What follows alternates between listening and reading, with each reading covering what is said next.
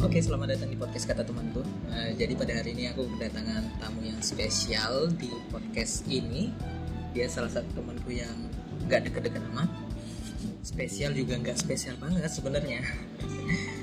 jadi dia ini udah menjadi HR di suatu perusahaan kurang lebih satu tahun lebih. Jadi ya bisa dibilang dia punya pengalaman lah sebagai HR. Nah, pada hari ini kita mau ngebahas tentang karirnya dia, terus Indonesia secara sudut pandang kita. Oke, mungkin langsung aja Ya. kenalan. Halo, saya Lukman, teman dekatnya Ferdi yang nggak diakuin dekat sama Ferdi.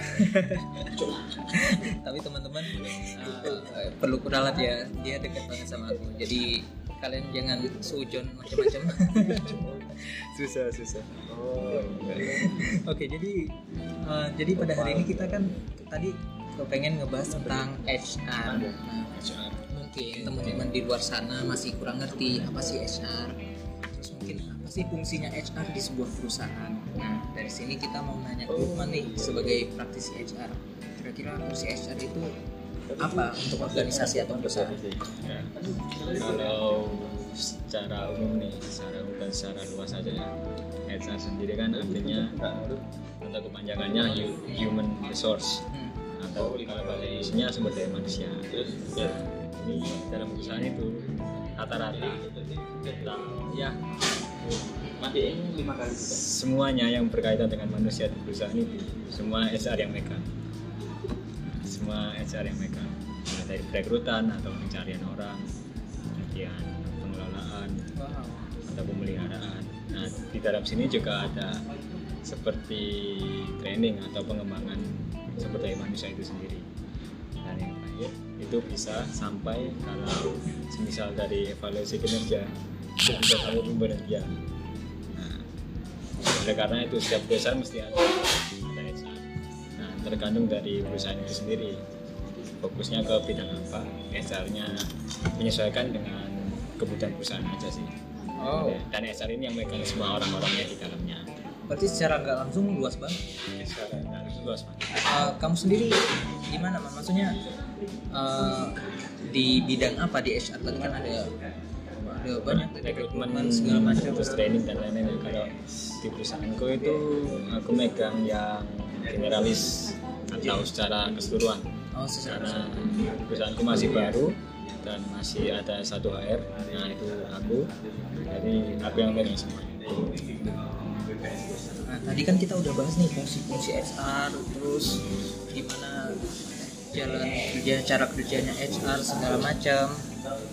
Nah, mungkin ada nih di luar sana yang pengen Hmm. nanya atau pengen tahu apa sih eh, yang ya apa sih yang apa ya yang perlu dilakukan atau dulu mungkin kuliahnya di jurusan apa biar bisa jadi HR Kalau bisa jadi HR sih rata-rata ya kalau perusahaan itu lebih milih orang-orang pertama manajemen, hukum, dan psikologi. Psikologi ini lebih ke fokus ke peminatan industri organisasi karena kan di dalamnya sudah terjamin nih dalamnya belajar mengenai bagaimana mengelola manusia secara keseluruhan di dalam suatu organisasi atau perusahaan. Nah rata-rata orang yang dicari untuk menjadi HR itu ya tiga, tiga jurusan itu manajemen, hukum, atau psikologi. nah tadi kan udah jelasin tiga mungkin Tiga jurusan. eh Lukman tahu nggak sih apa kamu tahu nggak sih perbedaan antara tiga jurusan ini misalnya psikologi menangnya di bagian ini nih gitu Kalau hukum ini yang pertama yang manajemen dulu ya. Hmm. Nah, manajemen kan di sini memang fokusnya manajemen. Dari namanya sendiri itu kita tahu kan manajemen dan terkadang manajemen itu juga dibagi sih sebenarnya. Yang manajemen keuangan, manajemen sumber daya, sebenarnya manajemen manajemen lain. Berhubung aku bukan manajemen kurang paham juga sih. Tapi kalau yang di HR ini saingan untuk sainganku ya, saingan itu biasanya manajemen sumber daya, sumber daya manusia terutama sumber daya manusia ini karena di sana pasti belajarnya mengenai bagaimana memanajemen manusia manusia itu di dalam suatu organisasi atau perusahaan. Nah, itu manajemen. Kalau yang hukum, kenapa kok ada perusahaan yang cari Nah, hukum? Ya, ini karena terkadang nih terkadang karena ini lingkupnya sudah perusahaan lingkupnya sudah perusahaan itu kan ya bukan main-main ya karena kan berhubungan dengan hukum atau pemerintahan apalagi undang-undang. Nah orang hukum ini biasanya kuat di undang-undang pemahaman mengenai undang-undang ketenaga kerjaan terutama. Apalagi hukum ketenaga kerjaan jadi mereka lebih kuat di situ karena mereka yang lebih paham bagaimana mencari orang yang ya bagaimana mengontrak orang yang sesuai prosedur gimana karena kan dia lebih paham hukum juga kan. Kalau yang psikologi ini psikologi industri organisasi dari namanya sendiri kan sudah tahu organisasi kan cocok sama perusahaan. Nah, cocok sama perusahaan ini jadinya ya kurang lebih sama seperti manajemen. Yang seperti saya jelaskan tadi ya dijelaskan, dijelaskan tadi memang manajemen bagaimana mengelola orang. Kalau psikologi sih sama bagaimana mengelola orang secara keseluruhan tapi psikologi menangnya atau keunggulannya. Keunggulannya. keunggulannya keunggulannya itu lebih paham individu per orang bagaimana cara mentreat orang bagaimana cara menilai orang. Kalau manajemen sih memang dapat yang mungkinnya tapi kan kurang mendalam juga perseorangan karena manajemen itu lebih secara luas secara luas organisasi secara luas. Kalau yang psikologi lebih mendalam per orang itu bisa tahu ilmunya ada ilmunya sendiri kalau di psikologi itu sih dari perbedaan kita ini Oh, berarti uh, secara garis besar ya, secara garis besar itu uh, sebenarnya ya jurusan-jurusan itu punya keunggulan masing-masing. banyak gitu. keunggulan Bukan ada yang di atas atau di bawah gitu kan ya. nah Oke, Uh, mungkin lanjut ke pertanyaan selanjutnya. Nah, kan tadi udah jelasin nih gimana untuk jadi HR itu harus kuliah apa segala macam. hmm. Nah, untuk Lupan sendiri ketika di organisasi selama di bidang HR apa yang paling disukai? yang disukai yang paling seru aja Iya, yang paling seru. seru aja paling seru cari orang Cari orang. cari Kenapa? Kenapa? kenapa soalnya ya seru aja ketemu orang baru bagaimana cara melihat apa namanya melihat ya melihat orang ini seperti apa terus kemudian kemampuannya sejauh apa. Kan seru juga nyari orang yang dicari sesuai dengan perusahaan minta. Dari perusahaan minta dan mencocokkan yang sama orang-orang yang mendaftar. Kadang itu ya susah juga sih susah. Apalagi kalau misal banyak yang daftar kemudian ya belum cocok. Maksudnya itu yang dicari itu belum ada yang sesuai kriteria Kayak kayak nyari emas di tumpukan jarum. Jarum di jarum di tumpukan apa? jarum itu pakai jerami Tumpukan jerami. Mantap. Yang paling cocok ya. yang paling cocok Oke. dari yang paling cocok Nah tadi kan udah yang paling disukai. Aku nggak bakal nanya apa yang paling tidak disukai. Tapi aku bakalan nanya uh, kira-kira tantangan-tantangan apa sih yang yang Lukman pernah hadapi ketika bekerja di bidang HR? tantangan kalau tantangan sih lebih ke bagaimana mengelola mengelola itu maksudnya me- menjaga agar perusahaan itu terutama orang-orangnya ya kan saya megang orang-orangnya nih HR bagaimana menjaga orang-orang itu mampu berjalan sesuai ritme yang perusahaan minta. Jadi mengenai kinerjanya kedisiplinan dan lain-lain. Nah, bagaimana cara mempagari lah istilahnya? Mempagari mereka supaya sesuai dengan perusahaan. Ya jalannya perusahaan atau target dari perusahaan itu sendiri. Urusan-urusannya perusahaan gitu Ya. Kayak targetnya apa nih gitu. Targetnya Kamu yang membimbing atau membimbing lebih ke membimbing dan juga menjaga kedisiplinan juga sih Oke, pertanyaan selanjutnya langsung aja men ya. ada Tadi kan udah tantangan-tantangan nih, tangan segala macam, Oke, segala oke. apa-apa. Ini mungkin yang lebih luas lagi. di luar Iya, bukan tentang HR tapi bagaimana menurut kamu sebagai HR eh, iklim dunia kerja di Indonesia sekarang? dunia kerja. Iklim dunia kerja ini sekarang karena memang lebih ke globalisasi juga. Globalisasi terus kemudian kemajuan teknologi. Dan juga ini mungkin menyebabkan banyaknya lapangan kerja yang baru. Lapangan kerja yang baru cara kerja yang baru bagaimana apa orang-orang itu di perusahaan itu memanfaatkan teknologi nah, apalagi dalam masa-masa sekarang nih pandemi juga. Nah pandemi juga bagaimana tetap perusahaan itu bisa berjalan sesuai dengan ya sebagaimana mestinya. Bagaimana mestinya bagaimana mereka bisa survive. Kemudian ya apalagi apa? Terutama sekarang ini tuh lebih ke menjaga efektivitas efektivitas perusahaan efektivitas itu maksudnya ini bagaimana menjaga agar perusahaan bisa survive aja sih Uh, mungkin terutama di pandemi ya. Nah, mungkin atau ada pandemi ya? Pandemi. Apalagi kalau di pandemi kan marketnya bisa ya kalau bisa dibilang sih lagi slow down juga sih. Slow down, melambat. melambat. Apa? Proses bisnisnya melambat. Bagaimana cara terutama kalau di HR ya kalau di HR bagaimana cara menjaga efektivitas efektivitas atau kinerja dari perusahaan itu sendiri kita udah ngomong panjang lebar nih tentang HR.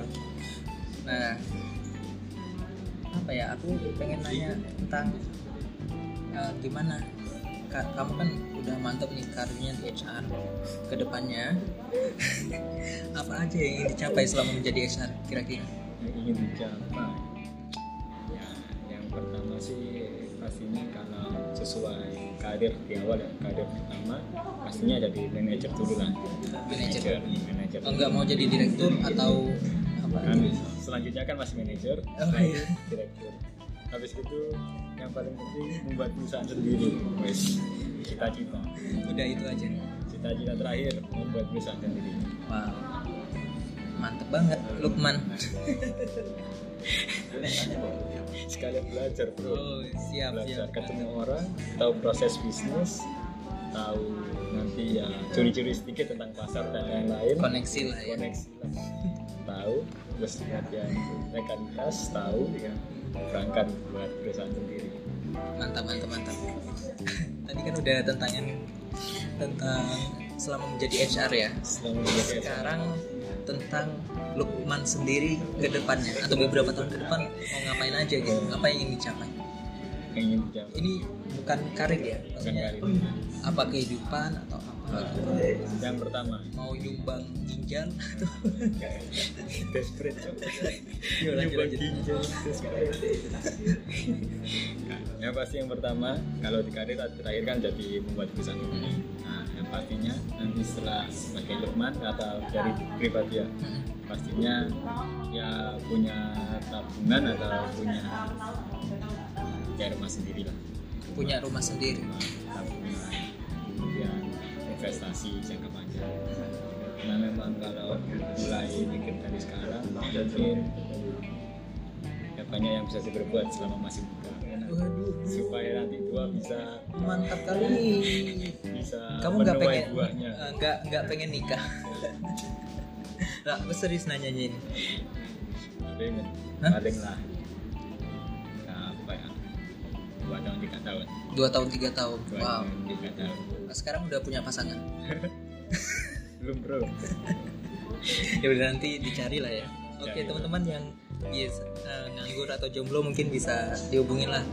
Lukmanul H Instagramnya. diiklankan Oke tadi kita udah bahas panjang lebar nih tentang karir terus apa yang dilakukan di depan, HR itu apa segala macam. siap siap. Ini kayaknya pertanyaanku sendiri sih tapi tak tanya di sini. Ini kata teman-teman pertanyaan sendiri. Bisa eh, apa ya? Jadi saran untuk orang-orang yang pengen jadi HR atau berkarir dalam bidang HR itu apa? Yang pertama sih yang pertama. Terutama ini pengalaman pribadi ya. Yang pertama jangan berhenti jangan pernah berhenti belajar. Wow selalu belajar men. Selalu belajar.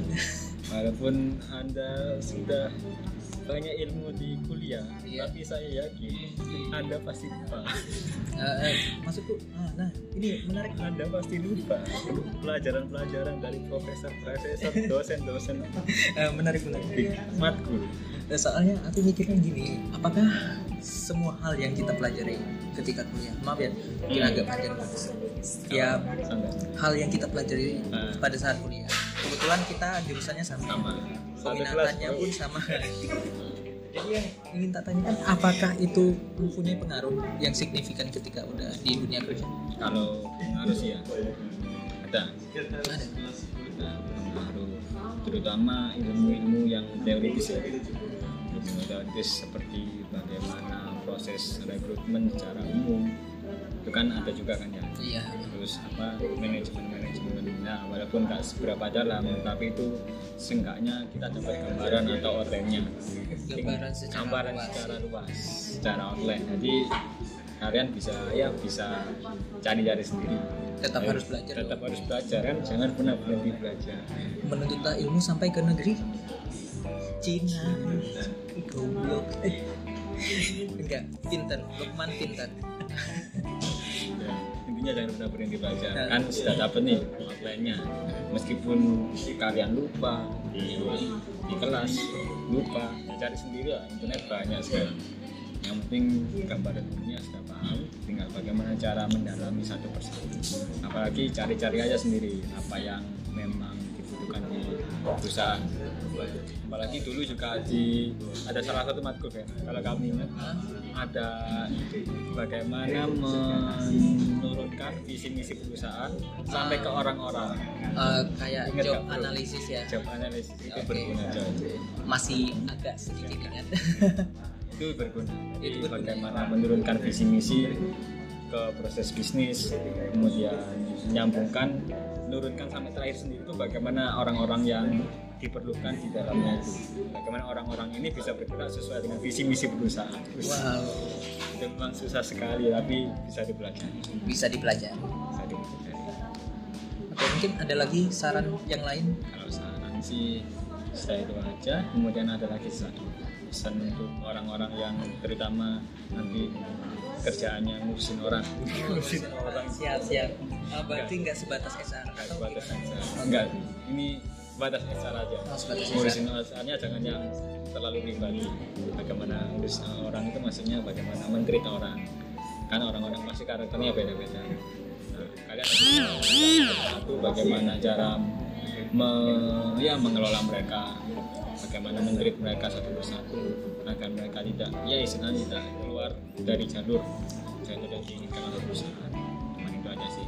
Karena kan kar- karakter orang beda-beda kalian harus bisa menyesuaikan perlakuan kalian ke mereka. Itu aja sih. Makanya belajar psikologi. Makanya belajar psikologi. Karena belajar setiap psikologi bro. Karena setiap orang itu berbeda satu sama lain. Berbeda. Bisa disamain. Nah itulah keunggulan dari psikologi. Oke. Yang kuliah di industri organisasi kalian sudah punya bekalnya. Tinggal bagaimana mendalaminya. Mantap. Mantap kan? Sangat gak bohongan gue sangat sangat. Semua ada lagi min? Saya saran itu aja sih. Udah itu aja. Udah sih. Kayaknya udah sih diskusi kita malam ini. Bukan diskusi sih. Aku nanya doang. Ngobrol. Iya ngobrol. Nah, jadi mungkin udah segitu aja untuk malam ini oke. Bukan malam ini sih. mungkin kalian yang dengerin mungkin ada siang pagi. Itu aneh subuh sih. Tapi kita ngerekamnya ini malam. Jadi kami ke subuh. Jadi terima kasih udah mendengarkan sampai akhir. Oke. Sampai jumpa di podcast kata temanku episode selanjutnya. Thank you. Terima Thank kasih teman-teman. Makasih Verdi oke formal sekali. Bye Bye.